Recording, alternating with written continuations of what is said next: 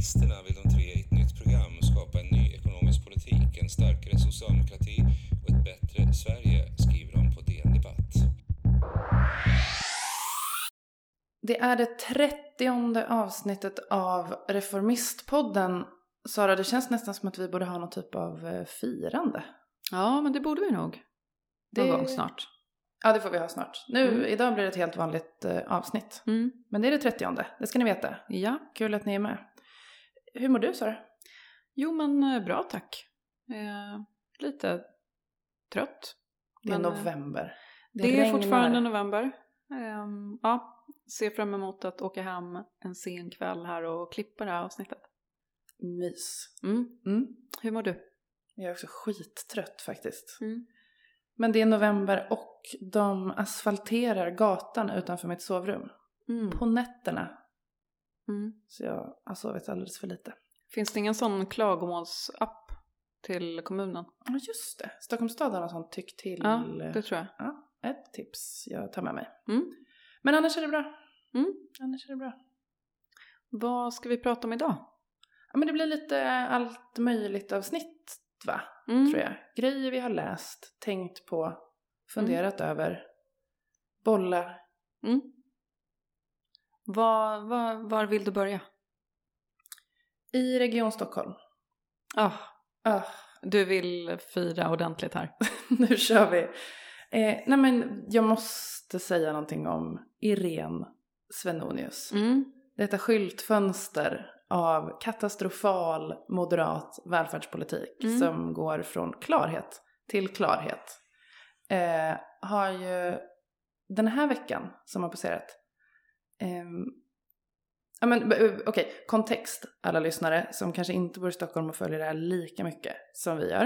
Eh, det är kris i förlossningsvården. Det är Mm. mycket som är väldigt, väldigt, väldigt dåligt i eh, liksom Stockholms sjukvård och hela regionstyrda välfärd. Men framförallt så har förlossningsvården ju varit på agendan. Massa barnmorskor har sagt upp sig. Protesterna är helt, ja, i mängder, högljudda. Det är namnunderskrifter. Det är demonstrationer. Och nu var det ju demonstration igår utanför landstingshuset här i Stockholm. Ja, jag såg det. Mm. 4 000 pers, de flesta typ morsor som Mm. har fött barn i Stockholm. Stod och demonstrerade och eh, med många så skjut till pengar, Irene Svenonius skyltar och sådär. Och så lämnade man ju då över 84 000 namnunderskrifter till Irene Svenonius personligen som liksom ropades ut ur hela landstingshuset. Eh, Mm. Det kanske för sig var planerat, det vet jag inte, men hon kom ut i alla fall. Det, och då var det namnunderskrifter typ för att tillföra mer resurser? Exakt, Ja. exakt. Ja, så då står liksom Irene Svenonius, ni måste kolla på klipp på det här om ni inte har gjort det, för att bara bilden av det här är väldigt kul, för att hon står liksom med den här jättehögen papper Mm. eh, i famnen, som alltså då är 84 000 namnunderskrifter, eh, och säger, men om man kollar på brukarundersökningarna som vi gör, så ser man att alla är väldigt nöjda, faktiskt. Eh, jo, så är det, typ. För publiken står och bara bu, nej, skriker liksom ner henne. Och hon står med den här liksom luntan namnunderskrifter och bara säger jo, så är det faktiskt. Eh, och det, ja, man måste ju skratta. Det är så helt dumt. sinnessjukt. Det är helt sinnessjukt. Jag såg också det på någon som hade skrivit en jävligt smart tweet om det i, igår också. Som hade blivit lite, fått mycket spridning. Att så här, ja, jag, jag var jättenöjd med mina barnmorskor när jag födde barn på Södersjukhuset. Jag Mm. gav självklart högsta betyg liksom, i den här brukarundersökningen. Hade jag vetat att det skulle användas mot dem när vi krävde mer pengar för deras arbetsvillkor, då hade jag naturligtvis inte gjort det. Liksom. Att det är så, det blir helt... Det. Ja, det där visar ju hur vanskligt det är med den där typen av undersökningar. Ja. Alltså hur de sen används och vilka tolkningar man gör och man bara helt tar saker ur sin kontext och sådär. Ja, Ja, jag är mycket skeptisk. ja eh, verkligen. Och, men oaktat det, en liksom... Eh, eh, en jävla syn. Ja, men det kan jag tänka mig. Jag har faktiskt helt missat det här. här. Ja, jag såg att det var en demonstration bara. Ja, men den har fått mig så Dyngbaggegalan och så här, la upp Ja, mycket så såklart. här Instagramkonton som har lagt upp så här klipp Mm. på det och så. Eh, när hon bara står där och så. "Mm, Jo, så är det faktiskt. Mm. säger de bara. När folk så, så står 4000 arga mammor och buar ut henne. Liksom. Hon Mm. hänvisar till en brukarundersökning. Det är lite taktlöst. Ja, jag blir mycket sugen nu på att eh, leta upp det här. Ja, och så kan man tänka nästa gång man känner att man har en jävligt dålig dag på jobbet. Jag är i alla fall inte Irene Svenonius med Mm. 84 000 namnunderskrifter i famnen framför en buande publik. Ja, det är skitbra. Ja, det tar jag med mig. Det är ett tips. Mm. Sen måste jag också bara säga, apropå Irene Svenonius innan vi lämnar det, att hon ju också satt i Margot Dietz, alltså Instagram-Margot, som är kompis med Ebba Busch. Hon som Bush. fick åka Säpo-bil med exakt, Ebba ja. Busch. Ja. Hon deltog i liksom en Insta-live på Margaux Instagram-konto om det här för ett par dagar sedan. Mm. Och hon har ju inte gjort i princip en enda intervju med någon journalist som har velat ställa frågor om förlossningskrisen i Stockholm. Men hon gjorde någon typ av mys-tv-inslag liksom på Mm. Margaux Insta-live. Som för övrigt är ansluten till en PR-byrå som heter Redgert Koms. Som nyligen rekryterade Irene Svenonius tidigare pressekreterare Mm. som ansvarig för public relations. Ja, Fräscht. alltså, Moderaterna har ju en sällsynt förmåga att uh, hålla på med sån vänskapskorruption. Att det är så duktiga. kladdigt. Riktigt duktiga på det är, det, är de. Ja. Ja, nej, jag har bara tänkt på alltså, hur otroligt fascinerande det är att hon har kvar sitt jobb den här Mm. veckan också. Mm. Ja, nej, men hon håller ju ändå Filippa Reinfeldts fana högt. Alltså det här att Mycket. ducka intervjuer men hänga på Instagram på olika sätt. Ja, Ja. och sälja till vårdcentraler till sin granne för 500 Ja. spänn. Precis. Ja. You go girl. Ja. Ja, det har jag tänkt på. Mm. Mm. Vad har mer hänt i veckan? Sara? Är det något du vill? Ja, jag tänker om. en, eh, en stor grej är ju att det har varit klimattoppmöte. Det har ju hunnit Ja. avslutas nu sen Mm. senaste avsnittet. Det pågick ju fortfarande när vi poddade sist och Mm. pratade lite om, om det också då. Eh, det är alltså då COP 26 i Glasgow som, Yes. har, som har pågått och eh, avslutats. Eh, och vi pratade ju tidigare höstas med eh, den svenska chefsförhandlaren Mattias Frumeri. Just det. Eh, och eh, har ju tänkt att vi ska återkomma eh, till honom. Men eh, tänkte väl att han skulle få sova Landa lite. lite, Ja. ja. precis. Men, men vi tänker att vi ska åter, Mm. återkoppla. Mm. Prata lite mer med honom om, ja, men om vad som faktiskt hände och Mm. få lite mer detaljer kring vad som, vad som gick bra, vad som gick Mm. dåligt och sådär. Alltså jag måste säga att jag har, är, är dåligt insatt i det. Mm. Men min känsla är att väldigt många är väldigt missnöjda. Ja, Alltså att det inte alls kom så, eller liksom fattades tillräckligt, tillräckliga beslut liksom. mm. Eller att man inte kom tillräckligt långt. nej, och gud, nej det har man ju absolut inte gjort. Nej. Men jag tänker att det är eh, alltså lite så här som vi var inne på i förra veckan gällande så här resultatet av Partikongressen. eh, partikongressen. Att Ja. det ju också pågår i efterhand en så här dragkamp kring hur man ska förstå olika saker Ja. eh, och liksom kring tolkningen av vad som sades och, och inte sades och Mm. sådär. Så är det ju även här såklart. Mm. Eh, att det finns de som, ehm, ja, men, eh, som beskriver det här då som en, som en framgång eller som är liksom mera glaset är eh, halvfullt Mm. personer och de som är mera glaset är halvtomt personer Mm. och eh, eh, kanske då fokuserar på det, det som är otillräckligt. Ehm, men eh, alltså det har ändå varit ja, men, i viss mån så skärpta Mm. åtaganden Mm. från en del eh, länder som gör att det inte ser riktigt så illa ut. Mm.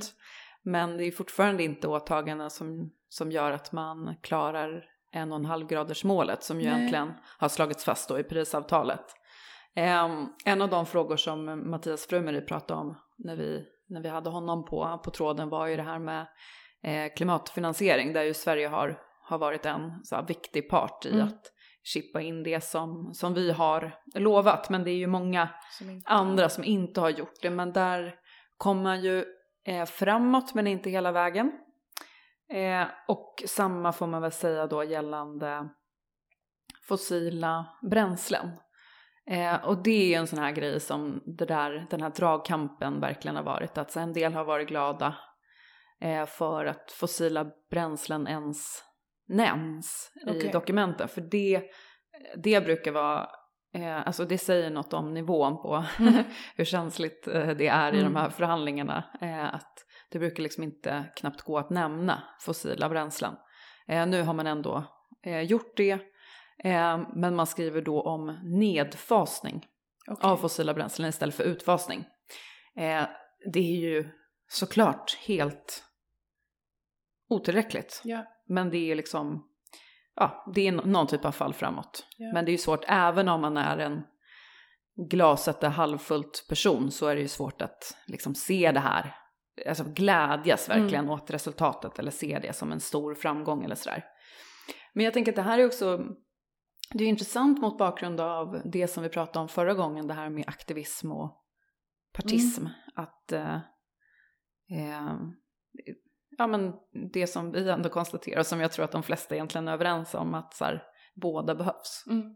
För att det, nu har vi ju sett i upptakten till, eh, till det här mötet, eh, klimattoppmötet, att eh, det har skett en massmobilisering då, Ja. eh, som ju Greta och en del andra Ja. har, Greta Thunberg alltså, och en del andra har startat. Ehm, och eh, som de ju också tog med sig till gatorna i, i Glasgow. ja. Och det krävs ju. Det krävs den typen av massmobilisering. Och jag tänker nog att det också krävs en del så här civil olydnad. Som vi också har sett Ja. att det kommer mer och mer av.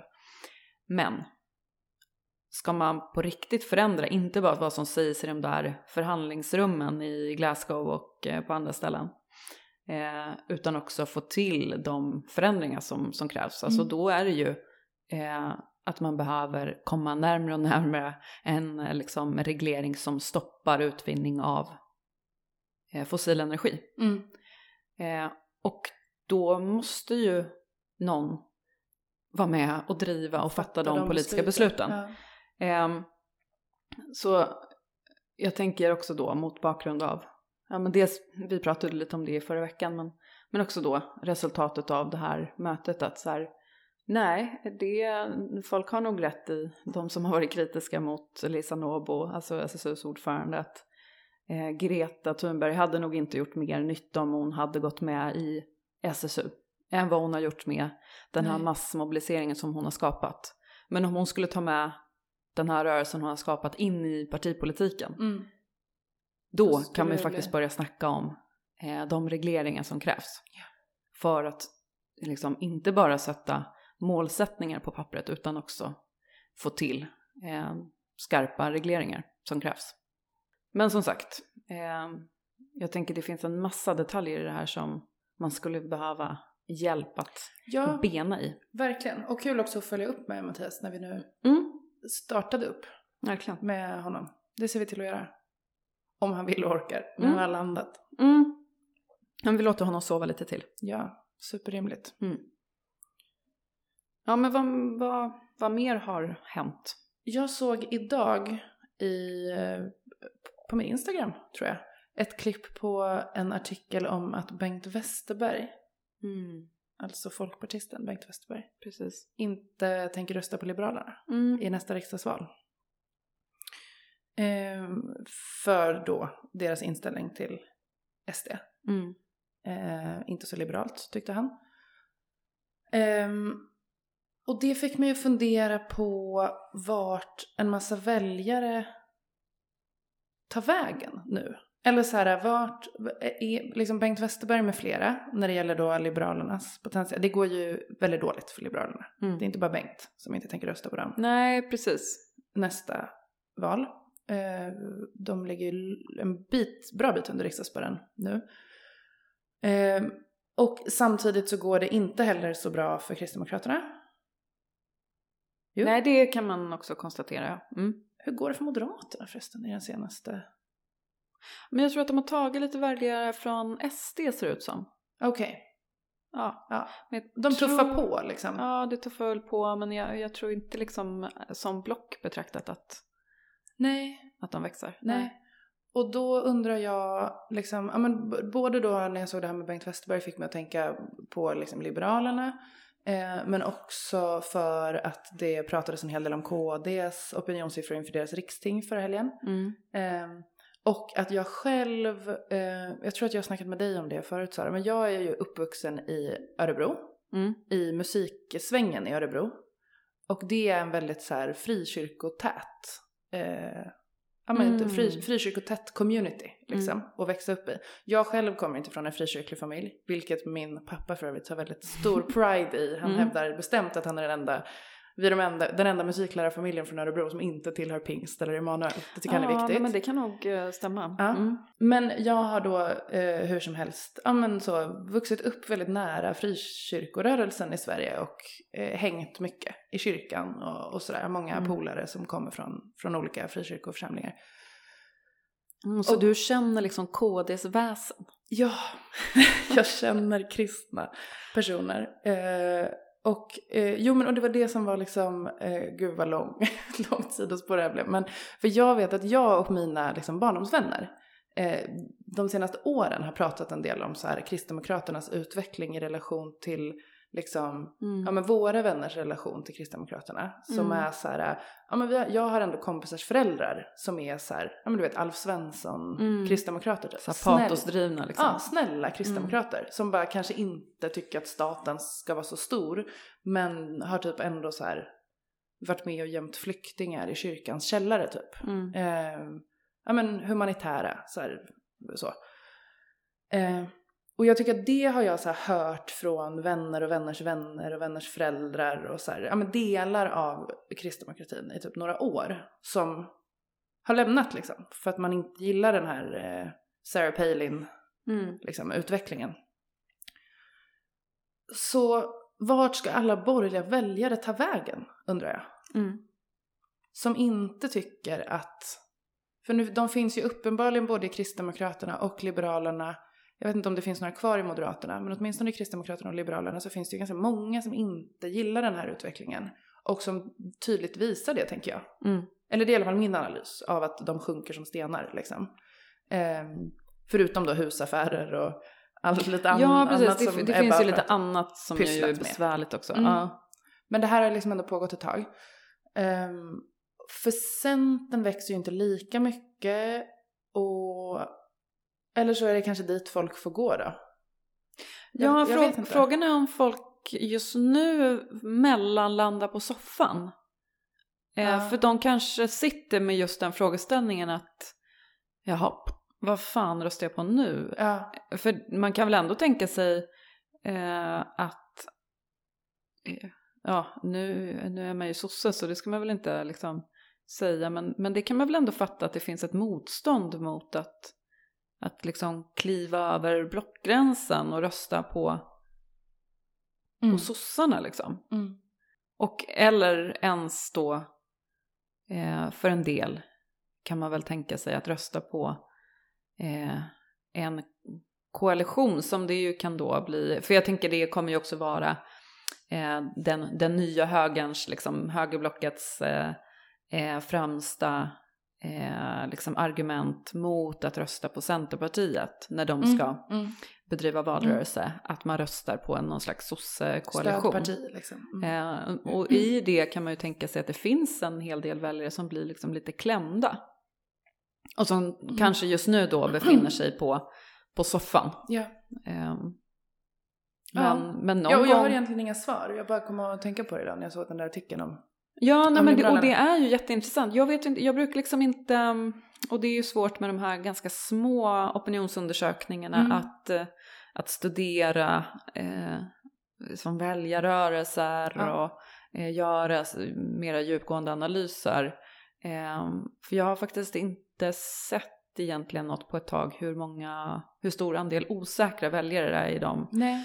opinionsundersökningar som, som publiceras. Men, men om några veckor kommer det en ny, då är det sån eh, julafton för politiknörden när det kommer en ny SCB. SCB. Eh, typ om tre veckor kanske, eller två. Mm. Eh, 2 december i alla fall ska, den, ska nästa publiceras. Mm, mm. Och då kanske man får lite svar på, på den frågan. Vart de befinner sig just ja, nu verkligen, i alla fall. Verkligen. Det skulle vara jag, intressant. Jag undrar vad de, vad de ska ta vägen Mm. helt enkelt. Mm. Ja, och det är ju om de nu om de nu befinner sig på soffan just nu, vad är det som kommer avgöra vart de hamnar sen? Mm. För det är ju knappast så att alla de kommer liksom rösta blankt eller, eller låta bli att rösta. Det, Nej. det tror man ju inte. Eh, utan de kommer ju bestämma sig. Frågan är vad som fäller det avgörandet. Mm. Det är nog ganska många partier som, Som skulle vilja ha på- svar på ja. den frågan Ja. eh, till sina valstrategier. Ja, gud ja. Mm. Ska vi försöka breaka den i Reformistpodden då?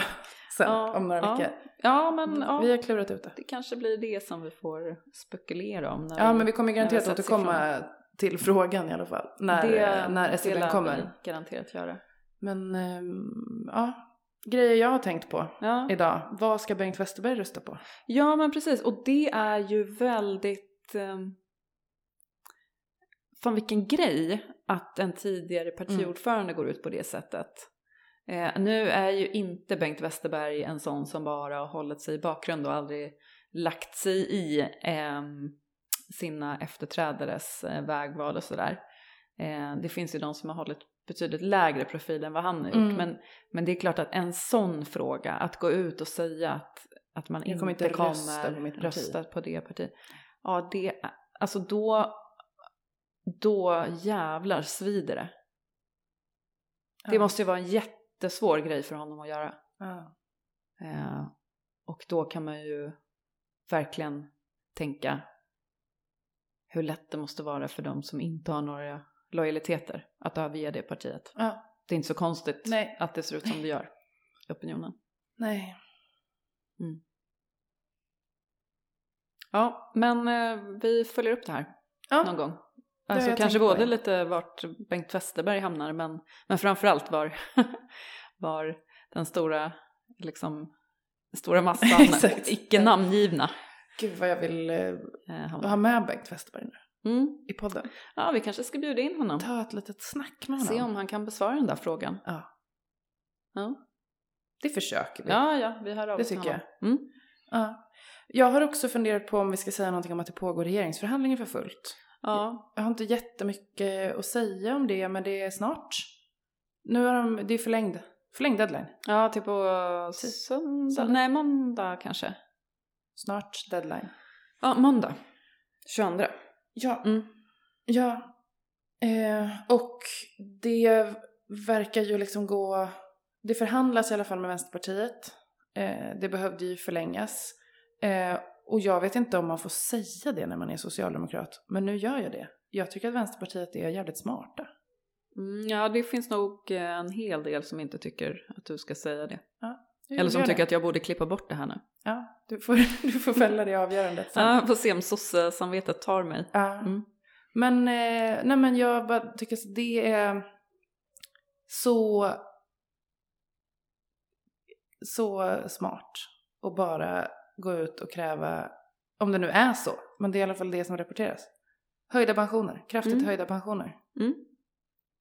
Ja, Riktigt alltså det är ju smart skickligt. på det sättet. Samtidigt så är det ju, det blir lite apart med tanke på att den sista stora budgeten är eh, lagd. Eh, och det är, finns ju frågetecken kring om den ens går igenom. Så att så här, Ja. om man tänker i vad som är genomförbart så ja, är det ju något annat. Men ja, i förhållande till opinionen så är det ju smart. Ja, jag tror att det är skickligt. Sen är det ju, en, jag tror att de drivs, om man ska försöka kliva in i Nooshi Dadgostars och andra kring hennes huvud så finns det såklart sådana strategiska överväganden kring att sätta bild och liksom Mm. komma ut, i, eller komma ut i, som opinionsbildare och så. Men det finns väl också någon sån här revanschgreja Mm. som driver Mm. dem, tror jag. Mm. Eh, och som man nog inte ska underskatta efter liksom flera år av att känna sig som dörrmatta till. Ja, Eh, ja också när de har, de har ju ändå en hel del medvind liksom, i opinionen. mm. senaste Mm. tiden. Ja. Och det är inte konstigt, tänker jag, att ett parti som har så 10 procent är vid förhandlingsbordet. Ibland låter det ju på både partivänner till oss och Annie Lööf och hennes partivänner Mm. som om det vore helt tokigt. Liksom. Mm. Jag tycker inte det. Nej, sen eh, bara för att man har 10% ska man inte sitta vid något förhandlingsbord, men om, om det är röst, Nej, de stöd- om det är röster som man faktiskt räknar med Jo, för att det. kunna tillträda och få igenom Ja, ja. budget och sådär, Ja. ja men då, ja, även, även om man hade haft mindre opinion så, så är det ju Ja. eh, ett parti som man på det sättet måste, Ha med sig. ja, Ja. som man inte bara kan, kan ta för givet hur som helst. Ja. Nej, jag, jag håller med. Sen, eh, ja, fan det är också snart valrörelse så frågan är ju hur mycket man ska Ja. ställa till det just nu. ja. Ehm, Inte så mycket. men jag Helst. tror ju att det löser sig. Jag, jag, Ja, jag är inte tror så jag med. orolig faktiskt. Nej, det är faktiskt Ehm, inte jag heller. Men, men det är också lätt att säga när man sitter utanför. Ja. Eh, Så bara, man får väl också bra. skicka en tanke till våra kamrater på, på insidan som Ja, sitter i kämpar på. förhandlingarna och eh, ja, men som faktiskt kanske är oroliga på riktigt. Ja. Mm. Vi tycker det känns bra i alla fall. Ja. Här på vår kant. Det är Mm. bra. En annan grej Linn, har du sett eh, senaste veckorna någon rapportering om eh, hedersnormer på förskolor i Malmö? Nej. Nej, det har liksom lite kommit i skymundan eftersom att det har hänt så mycket annat. Mm. Mm, Men som grejerna vi har mm. pratat om. Eh, klimattoppmötet, eh, vår partikongress, Mm. eh, regeringsförhandling, andra Mm. grejer som händer. Annars hade det kanske blivit en större fråga kan jag tänka mig. Men det, det har rapporterats både i nyhetsartiklar men idag så var det också på, eh, på DN Debatt och jag har också sett på någon annan debattsida. Mm. Eh, det handlar alltså om en, om en kartläggning som en forskare har gjort i samarbetet med, med Malmö kommun. Mm. Eh, om ja, hur eh, hedersnormer märks av i förskoleverksamhet. Och jag, jag är ganska säker på att det är första gången man gör en sån kartläggning gällande så små barn. Mm. Tidigare så har det ju varit ja, men, eh, skolor och eh, liksom äldre barn, ofta tonåringar som man pratar om. Mm. Men, men nu förskolebarn. Eh, och då var det eh, 13 förskolor som man kartlade. Mm. Eh, och på 12 av de här 13 eh, förskolorna så hade de erfarenhet av att möta hedersnormer i verksamheten. Mm. Från både vuxna och eh, barn. Det är så sorgligt. Ja, jag tänkte jag ska dra några exempel bara så att man får en bild av vad det kan handla Ja. om. Eh, till exempel då en förskola som berättat att de slutat helt med vattenlek på somrarna. Eh, för att föräldrar har reagerat då Mm. eh, på att man blir blöt, tar av sig kläder och sådär. Ja. Ehm, och eh, föräldrar har sagt, förklarat för förskolepersonal att de inte vill att deras barn då ska ligga med bara blöja eh, vid vilan efter, Mm. efter lunch. Eh, föräldrar som kräver att eh, leken ska vara könsseparerad på förskolan.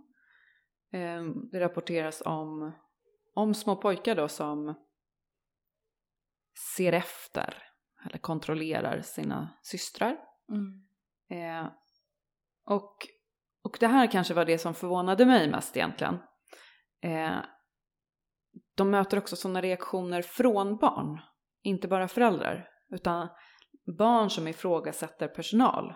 Som till Mm. exempel har bara armar eller bara ben eller visar fötterna på, på sommaren. Och barn som då ja, men ifrågasätter det och säger typ ehm, så gör inte min mamma. Mm. Eh, och eh, ja, men det visar ju det som jag tänker att man fattar att eh, det här bör, är ingenting som börjar i, i tonåren utan det är ju normer som, som läggs Ja. väldigt tidigt. Och om man inte jobbar med det så är ju de väldigt cementerade redan i, i tonåren. Ja. Eh, och man kan tän- tänka sig då hur, hur svårt det är att ta sig ur även om man blir drabbad eh, Mm. och mår dåligt Mm. i, i de här normerna Mm. och blir förtryckt liksom. Mm. Eh, så om ens värld är uppbyggd så, eh, så ja, jävligt svår grej. Eh, men jag tänker också att att eh, den här kartläggningen effektivt ändå visar varför det blir eh, varför det liksom leder fel om man bara fokuserar på hijaben eller slöjan Ja. som man ju gör ibland My- eller en del debattörer gör eh, när man pratar heder. Ja. Mm. Och det är faktiskt, eh, jag läste en debattartikel häromdagen av Amineh Kakabaveh Ja. som ju jobbar mycket med, med hedersfrågorna och ju egentligen kan dem bättre än så. Men hon gick ut då mot bakgrund av den här kartläggningen och krävde Förbud. förbud Mm. eh, mot hijab på barn. Eh, men det, ja, det är väldigt enkelspårigt. Ja. Och så... Ja, jag tänker att det verkligen finns en risk att det eh, ja, men så alienerar de här familjerna som det handlar om än mer från det eh, samhälle som förhoppningsvis Mm. gör allt de kan för att liksom jobba tillsammans med föräldrar och vuxna Mm. i barnens närhet för att göra upp Mm. med den här hederskulturen. Alltså att det, det verkligen bara riskerar att slå split ännu, ännu mer. Ja, verkligen. Alltså,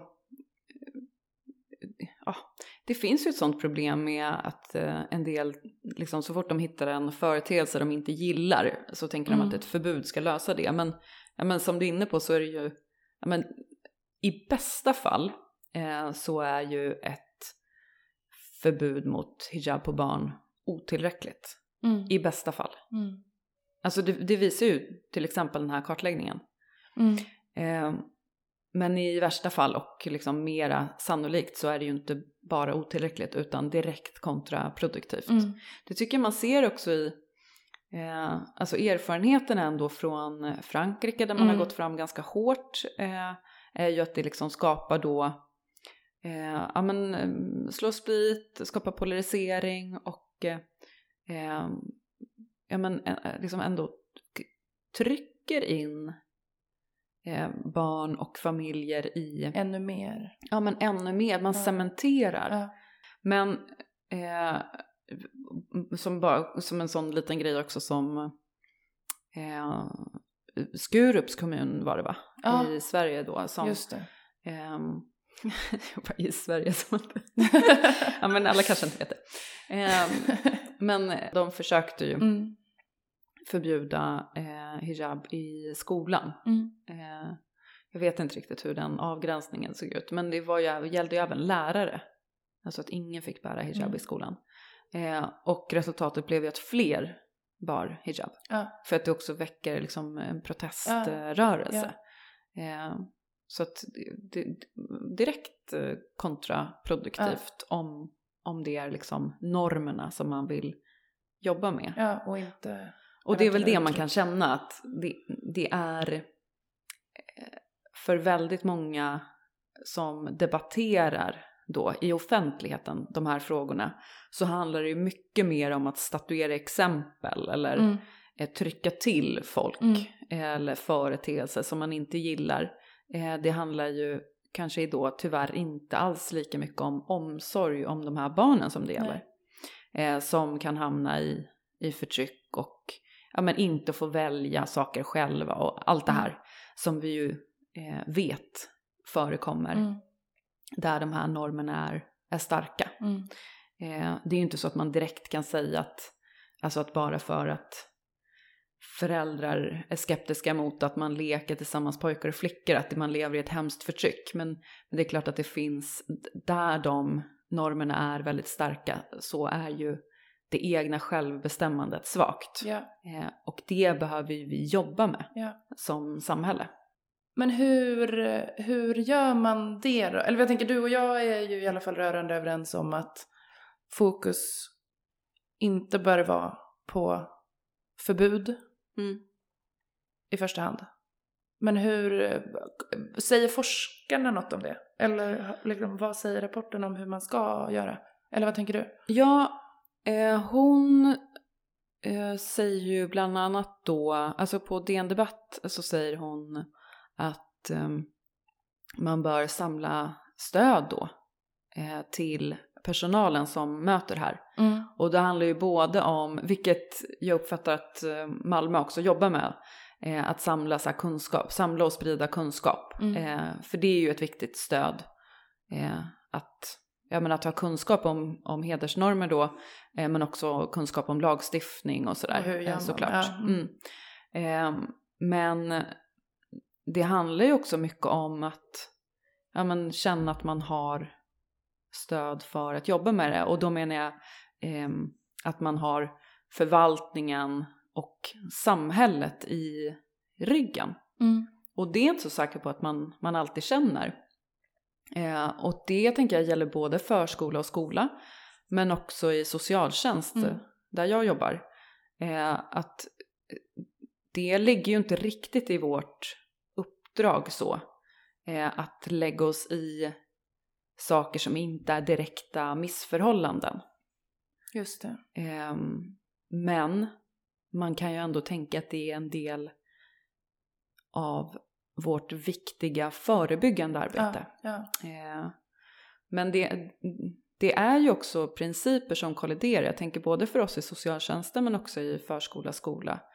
Eh, att liksom principer om ja, men, att här, fostra eh, jämlika samhällsmedborgare. Mm. Alltså det finns ju den typen av eh, principer. Eh, men det kolliderar ju också med respekt för den enskildes integritet. Så är det ju socialtjänstlagen till exempel som Mm. jag jobbar utifrån. Att vi ska å ena sidan främja jämlikhet i livsvillkor. Mm. Vilket ju då också måste, måste tolkas som mellan eh, flickor och pojkar och Ja, eh, kvinnor ja. och män.